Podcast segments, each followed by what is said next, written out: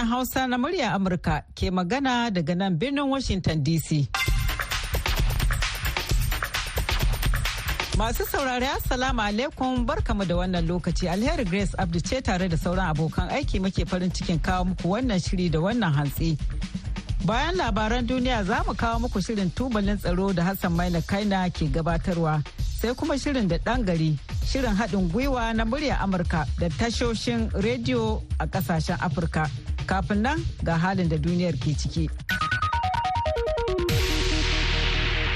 jama'a assalamu alaikum barkanmu da wannan hantsi ga kuma cikakkun labaran duniyar. Sa'o'i kaɗan bayan kammala tattaunawa ta wayar tarho da Benjamin Netanyahu.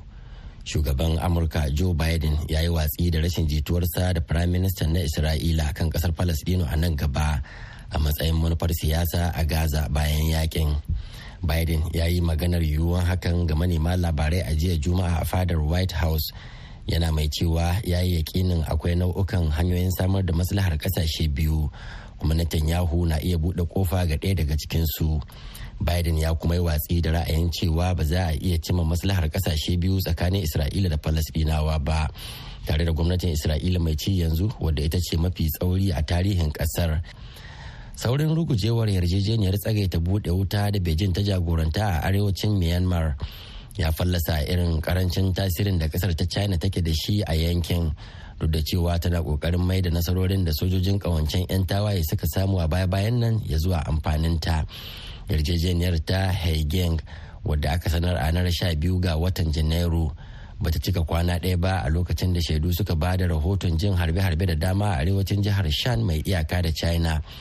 Ƙungiyar 'yan tawayen three brotherhood alliance wadda ta hada da rundunar haɗin gwiwa ta myanmar ta mndaa da dakarun arakan da kuma dakarun ƙungiyar 'yantar da ƙasar ta tnla ta fitar da wata sanarwa kwana guda bayan yarjejeniyar inda ta zargi sojoji da kai hare-hare a wurare da dama. Wani rahoton majalisar ɗinkin duniya da kamfanin dillancin labarai na reuters ya gani a jiya juma'a ya bayyana cewa an kashe mutane dubu goma zuwa dubu goma sha biyar a birni guda kacal a yankin darfur na yammacin sudan a bara. A rikicin kabilanci tsakanin dakarun tsaron sa kai na rsf da mayaƙan kawancin larabawa. A cikin rahoton da ya aikewa kwamitin sulhu na majalisar ɗinkin duniya kwamitin kwararrun sa ido masu zaman kansu na majalisar ta ɗinkin duniya ya danganta adadin rasa rayukan da aka yi a el da wasu majiyoyin leƙen asiri. Tare da kwatanta shi da kiyasin majalisar ɗinkin duniya na cewa kimanin mutane dubu goma sha biyu ne aka kashe a faɗin sudan tun bayan barkewar yaƙin na sudan a ranar 15 ga watan afrilun shekara ta 2023 tsakanin rundunar sojin sudan da dakarun tsaro na rsf labaran suna zuwa muku ne daga nan sashen hausa na muryar amurka a washington dc masu fashin baki na bayyana ra'ayin cewa ƙasar china na iya fadawa wani mawuyacin hali na tunkarar pyongyang a wannan shekara yayin da take ganin barazanar koriya ta arewa da zurfafa dangantakar ta da rasha na kawo cikas ga ƙoƙarin da beijing ke yi na kyautata alakar ta da washington. Kafar yada labaran koriya ta arewa ta kcna ta faɗa a jiya juma'a cewa ƙasar ta yi gwajin makaman nukiliya na ƙarƙashin ruwa a cikin ruwan da ke gabar tekun gabashin ƙasar gwajin ya zo ne bayan pyongyang da alama ta yi watsi da yiwuwar sake haɗin kai da seoul a cikin lumana ta hanyar sanar da kawo ƙarshen manufofinta na sasantawa da sake haɗewa a ranar litinin tare da yin kira da a shirya mamaye koriya ta kudu idan yaƙi ya ɓarke. A lokaci ɗaya kuma koriya ta arewa ta ƙara zurfafa alaƙar ta da rasha. A jiya juma'a wani babban alkali ya tuhumi alec baldwin da zargin kisan kai da gangan a yayin wani mummunan harbe-harbe da aka yi a shekara ta 2021 lokacin gwajin ɗaukar wani fim a new mexico. Yana mai dawo da shari'ar da aka yi watsi da ita kan dan wasan kwaikwayon. Masu gabatar da kara na musamman sun gabatar da karar a gaban alkali a santa fe a wannan makon watanni bayan samun sabon bincike kan bindigar da aka yi amfani da ita. Lauyoyin da ke kare baldin sun ce za su kalubalanci tuhumar.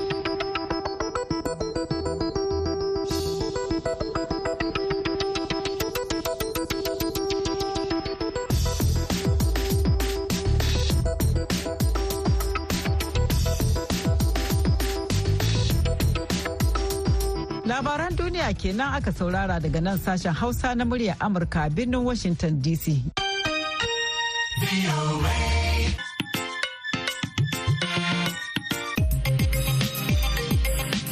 Yanzu kuma ga Hassan Maina Kaina da shirin tubalin tsaro, shirin da ke haska fitila kan matsalolin tsaro da suka buwaye al'umma da kuma matakan da jami'an tsaro ke ɗauka na shawo kan lamarin.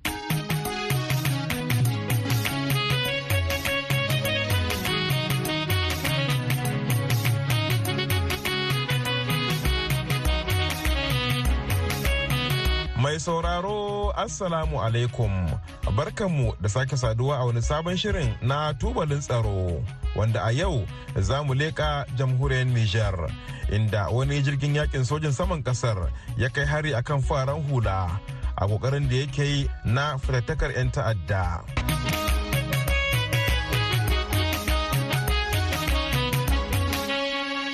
To madalla wani farmakin da jiragen yaƙin jamhuriyar Nijar suka kai a gundumar kofe da ke iyaka da Burkina Faso a kwanan nan a ƙoƙarin murkushe wasu 'yan ta'adda. farmakin jiragen yaƙin Nijar din ya rutsa da wasu fararen hula al'amarin da ya sa masu fafutuka a ciki da wajen Nijar din suke ta kira-kirayen cewar a yi bincike irin da kwakwaf. Daga birnin Niyame wakilinmu Sulemu Mini Barma ya aiko da wannan karin bayani. Ruwan bama-baman da haɗin gwiwar sojojin Nijar da Burkina Faso suka yi a wani ɓangare na ayyukan kakabar da suka kaddamar a yankunan iyakar ƙasashen biyu a farkon watan Janairun 2024 ne ya tilasta 'yan ta'adda da iyalin su tsama zuwa neman mafaka a wasu ƙauyukan gudumar gote da ke jihar Tilaberi. a makonnin baya 'yan bindigar sun umarci ƙauyawa a shiyar su fice daga matsugunansu ko kuma su yaba wa aya zaƙi haka kuma bayanan sirri sun yi nuni da cewa waɗannan 'yan takife na tsara jerin hare-haren da suke shirin kaiwa kan jami'an tsaron da ke ƙauyukan da suka hada da liberi bulujinga da garbunwa. A cewar wata sanarwar da ma'aikatar tsaron nijar ta fitar a ranar bakwai ga watan janairu shugaban ƙungiyar haɗin kan 'yan jihar tilaberi amadu haruna maiga ya jinjina wa jami'an tsaro saboda jajircewarsu akan aiki. Ko da yake ya ce har yanzu da sauran rina. Gaskiya ta yi komi. Akwai wurare inda akwai sauci amma akwai inda wallahi mutane ba su kwana. In ka ɗauki hannun dama ga isa rive droit kenan lifta ko inda ana ce tura frontier iyaka uku. Daga komin na mehanna duk goruwar ya har zuwa tamu babu kwanci hankali can. Fis bidillahi hali yanzu ana ta kashe mutane hali yanzu ana ta yi da dabbobi hal yanzu ana ce mutane su tashi su bari garinsu kasa uku na niger burkina da mali sun gama ƙarfin su muna kiran gwamnati su sa ƙoƙari a kawo lahiya da kwanciyar hankali a jihar Tilaberi. La'akari da yanayin da ake ciki a yankunan kan iyaka da Burkina Faso ya sa hukumomin tsaro ƙarfafa matakai lamarin da ya ba da damar murkushe wani harin ta'addancin da aka yi yunkurin kaiwa a sansanin dakarun tsaro da ke garin Ciyawa a ranar biyar ga watan Janairu. Sannan a cikin daren wannan rana sojan sama sun yi ruwan wuta akan wani ayari na biyu na 'yan bindiga a daidai lokacin da suke gabda kai farmaki a sansanin baradan da ke ƙauyen na a cewar masu sharhi a kan lamuran yau da kullum abba ɗan ilela da abdulrazak hima wajibi ne nijar ta kafa shingen da zai kasance wata fatsar da za ta cafke 'yan ta'addan da ayyukan haɗin gwiwa ke tilastawa zuwa neman mafaka. Bayan an koro su daga makwabta. Gaskiya ya kamata a dinga kiyayewa. Bai kamata a ce sojoji da sun kai karatu na hari da kuma sanin tantance 'yan ta'adda tun da har sun ka samu damar sanin an hangi 'yan ta'adda ne yayin da suka so su kai hari an kai musu farmaki to ya kamata a tantance su a su da 'yan gari. kenan a gaba idan za a irin wannan aiki a san cewa lalle abin bai shahi an gari ba. Saboda yanzu ku ba sa da ya ka gaskiya wannan abin kuka ne kuma abin da ya kamata a ce su hukumomin da ke yaki. Tunda kaga yanzu da kasa ta ga hannun su take. Kenan dole su suka san matakan za su ɗauka na ganin ta sun kiyaye idan ka hada a gaba kuma cikin irin wannan hadari yau dan ta'addan nan duk wanda an ka bugo daga burkina in yan matsu nijar zai shigowa. To kenan tun da ku nijar kun tabbata za a yi wannan haɗaka. Kenan da ya kamata a ruhe ƙasa. Duk wanda ya shigo ƙasa ya ci ya shigo an gan shi. Ko a kame ko kuma a sayan da za a yi da shi. Ko da yake abu in ya riga ya faru ya faru babu yanda za a yi. Ba a bayyana yawan 'yan ta'addan da suka hallaka a sakamakon wannan farmaki ba sai dai sanarwar ta yi nuni da cewa abin ya rutsa da wasu fararen kula duk waɗanda aka kwantar a asibitin gote a yayin da wasu muryoyin da suka karaɗe kafar sadarwa ta whatsapp waɗanda ake ɗauka a matsayin na mazauna inda abin ya faru ke zulumin rasuwar mutane da dama. To koya ƙungiyoyin fafutuka ke cewa akan wannan batu? Falmata taya mamba ce a ƙungiyar emsu sande na farko ina mika gaisuwa ta ta emsu sande ta al'ummar nijar zuwa ga yan uwan namu da abin da ya ritsa da su. Tsautsayi ne kuma in ya wuni bai kwana. Mutanen ga da aka je a nemo a wannan ƙauye babu shakka cikin bayanan sirri da aka kama sojawa an gaya musu cewa daga hanyar da suka bi. Amma da yake ana son a shafa ma sojin nishar kashin kashi sai suka gudu suka shiga ƙauye. To in ana musanyen wuta kuma ba diba ake a ce wane ne da wane ne ba tsautsayi ne. Ba da gangan ba suka yi kuma ba sun je ba ne don su yi maganin su. A yan ta'addan ne suka bi. Yanzu yan ta'addan kuma da yake mugaye ne kuma suna da niyya sai suka shiga cikin ƙauye. Aka ce to an kashe an ƙauye. Amma muna sanar da cewa da tsautsayi ne. Yau duk wanda ya faɗi a ƙasar Nijar Nijeriyan ne aka rage. Kenan muna kai ta'aziyyar mu. Muna kira da cewa da 'yan ƙauyen dan Allah dan annabi su ba ma sojoji ƙwarin gwiwa don su kawo musu bayanai saboda su 'yan ƙauyen sun san nasu kuma sun san iyansu ne in dangin su ne suke cikin yan ta'adda. Dama an ce da dan gari ake can gari.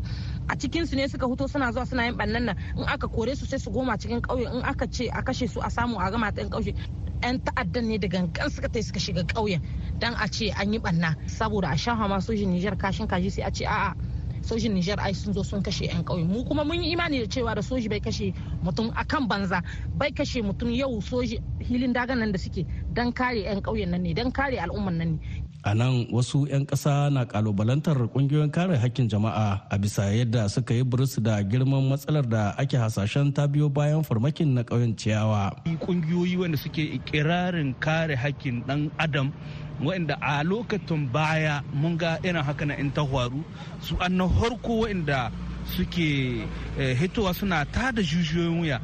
Abin mamaki a yau an samu matsala irin haka. A su hito su, waye ma mutane kai ma in ma ba su ce wani abu ba. Mai amma sun yi shiru sun yi gum da bakin su waɗanda mun ga irin haka da ta faru lokacin mulkin da ya shuɗe a garin tammu an yi makamancin haka wanda hukumomi sun ka nuna cewa 'yan ta'adda ne sun ka koro sun ka buga wanda kungiyoyi waɗanda suke kirarin cewa suna kare hakkin adam sun kai burus sun kai kai ziyara kala-kala. Mai amma har yanzu mu ba mu ga wannan ƙungiyoyin ba sun kai ziyara kamar irin yadda sun kai a garantar mu kasan nan ta Niger ta mu ce mu duka. Muddin ana son gyara to babu mina hiti a hito wannan abu ya riga ya faru babu mahaluki wanda ya iya ya hana ya faru Allah ya riga ya rubuta. Mai a hidda mina hecci? Shugaban gamayyar ƙungiyoyin kare hakkin dan adam na rezo esperance muhammad bashar ya shawarci hukumomi su gudanar da binciken da zai ba da damar tantance zahiran abin da ya faru a ranakun biyar da shida ga watan janairu. Yadda za a gani mi yasa haka din ta faru? Don saboda gobe kar ta faru haka nan. In kuma an tantance kan cewa wato kuskure ne wajen aiki to sai a nemi a san suwane ne wannan kuskuren ya shafa. Ina nihin kamar wanda suka bata rayuwarsu ko ko suka raunana cikin wannan al'amarin sai a samu a biya su diya kuma a ɗoki nauyinsu yadda ya kamata saboda wajen neman kare su ne. Haka ɗin ya faru ba abu ba ne wanda aka so don kuntata musu to shine ni dai nike gani hanya wadda ta hi ta gari wadda za ta kawo ruwan sanyi cikin wannan al'amarin. Binciken kadai zai iya ba da dama ya san menene ya faru. Wannan ba shine karan farko da harin sojan sama ke shafar mutanen da ba su san hawa ba a nishar a yunkurin fatattakar 'yan ta'adda tun bayan da ƙasar ta fara fuskantar aika-aikar 'yan bindiga yau shekaru kusan goma. Misalin wanda ya wakana a watan oktoban 2022 a ƙauyen tamu abin da ke fayyace sarƙaƙiyar da ke tattare da yaƙin da ake fuskanta a yankin sahel. Wani lokacin in aka yi shela abun ba a shi ba a gani e, sai a nemi a gaggauce a takaita abun. To cikin irin wannan ne nake zato yasa aka yi ha aikin na dare. To kamar yadda ka sani inda aka ce za a yin halbe-halbe cikin dare to ganin bai tabbata ba yadda ake so. Wani lokaci ana iya a gama 'yan ta'adda da al'ummomi na garin wanda ba ruwansu da wannan ta'addancin. To amma kuma su kan kansu 'yan ta'adda cikin tsarin nasu na yaudara suna shiga cikin mutane don su yi sarkulle in wannan din ta faru shi soji sai ya rasa to yaya ya kamata yi? In ya bari ta'addancin zai bayyana in ya halba kuma yana iya ya halbi wanda abun bai shahe su ba. A gaida sule mumini barma. A ɗaya gefen kuma cibiyar ta ƙasa da ƙasa da ke kare fararen hula yayin rikici wato civilian in conflict ko kuma civic a taƙaice ta yi kiran da a gudanar da bincike irin na kwakwaf kana a biya diyar rayukan waɗanda suka rasu sannan a ɗau nauyin jinyar waɗanda suka samu raunuka kana kuma a ba su haƙuri. Wata sanarwa da cibiyar ta civic ta aiko mana daga birnin washington dc ta ce akwai wani babban nauyi da ya rataya a wuyan sojojin ƙasar niger na aikin bambance fararen hula da 'yan ta'adda yayin kai duk wani farmaki don haka dole ne sojojin niger suke ɗaukar matakai don kare aukuwar irin wannan a nan gaba.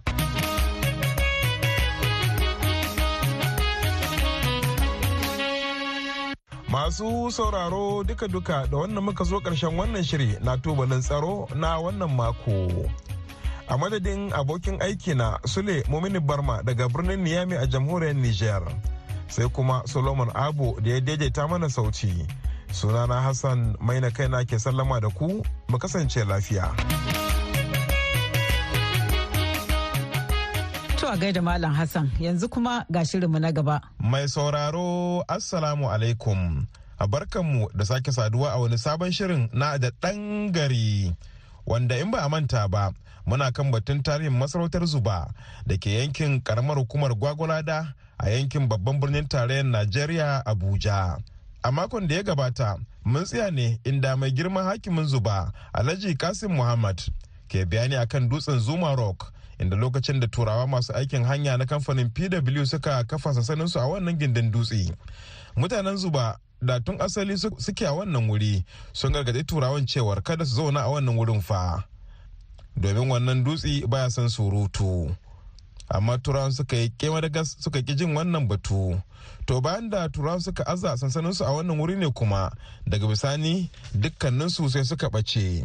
A cewar hakiman na zuba wasu daga cikin turawan sun tsinci kansu a ruwan lakwaja wasu kuma a ƙasar jamus wasu kuma sun makance. Zan baka misali guda ɗaya lokacin da aka kirkiro na hanyar daga benin pw za su yi hanya. Sun zo sun sansani a nan gini zuma rock.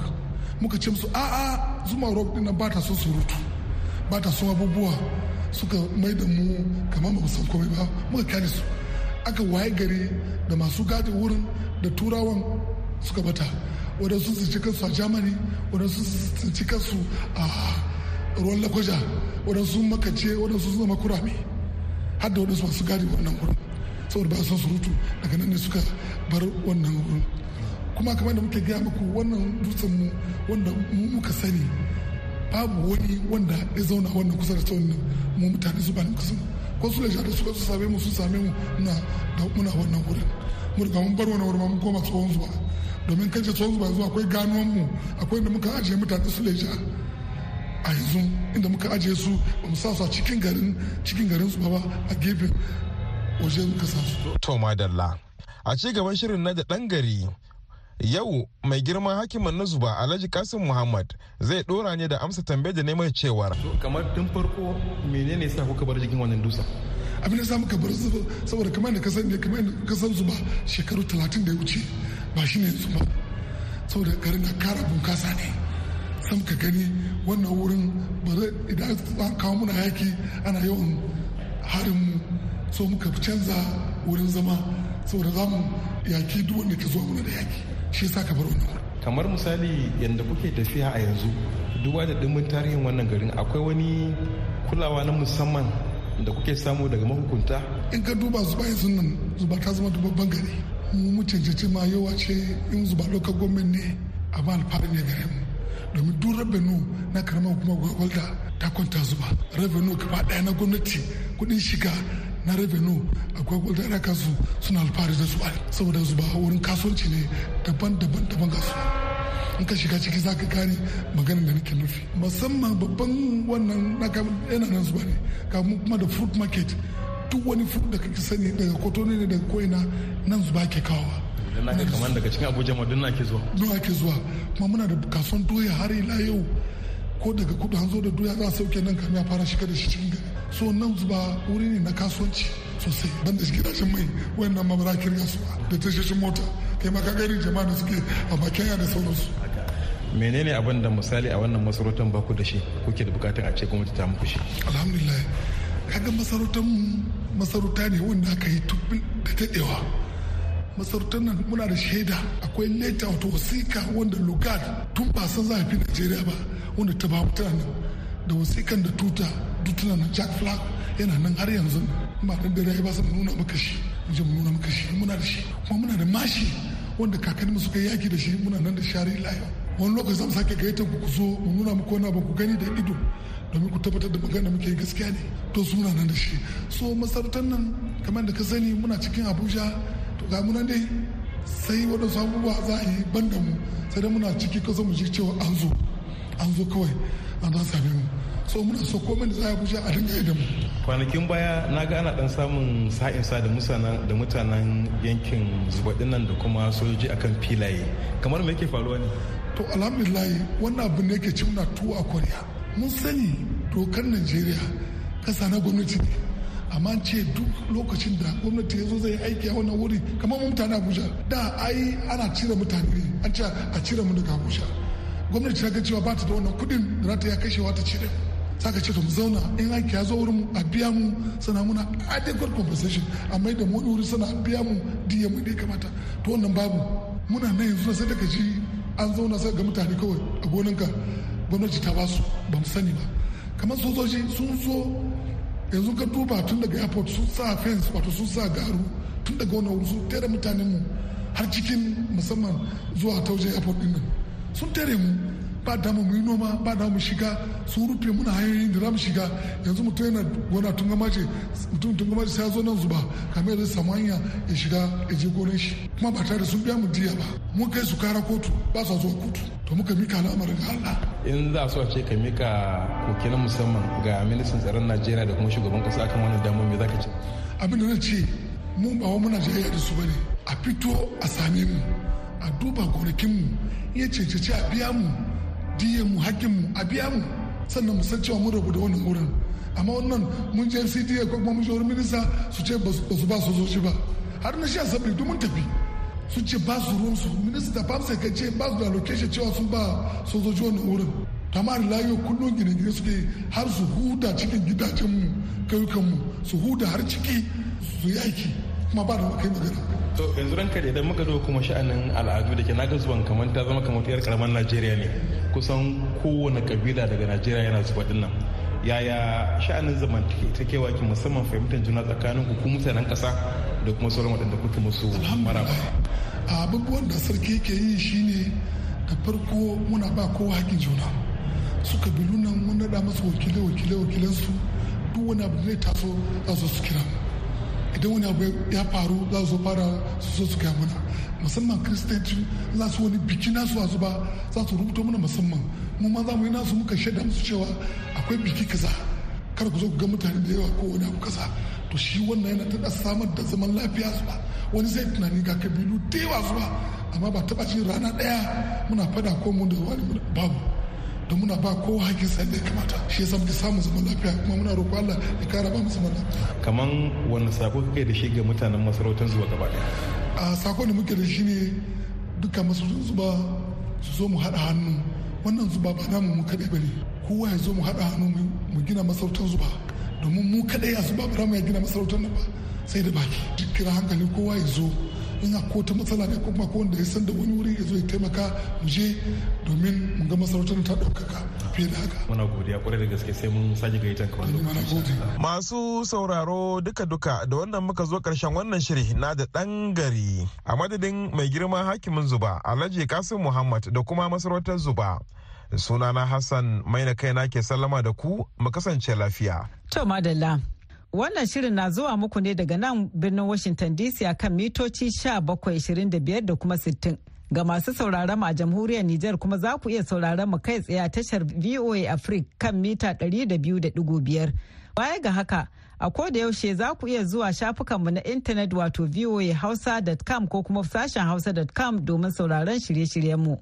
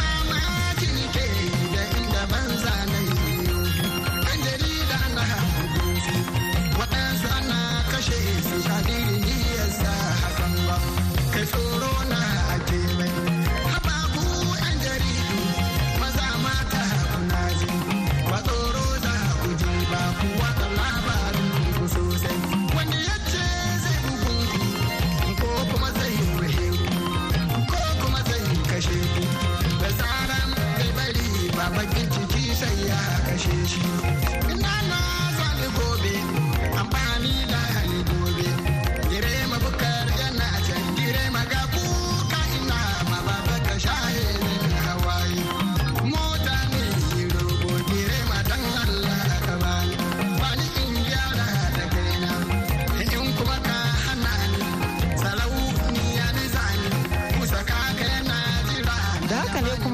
ƙarshen shirin namu na wannan lokaci sai kuma da rana ku ji abokan aikinmu da wani sabon shiri har da a dawo lafiya na baba yakubu makeri yanzu a madadin dukan waɗanda suka ba da gudunmuwa ga nasarar wannan shirin da suka hada da solomon abo da hada shiri da ba da umarni alheri ke muku fata alheri ku wani lafiya mu kuma kwana lafiya da alheri.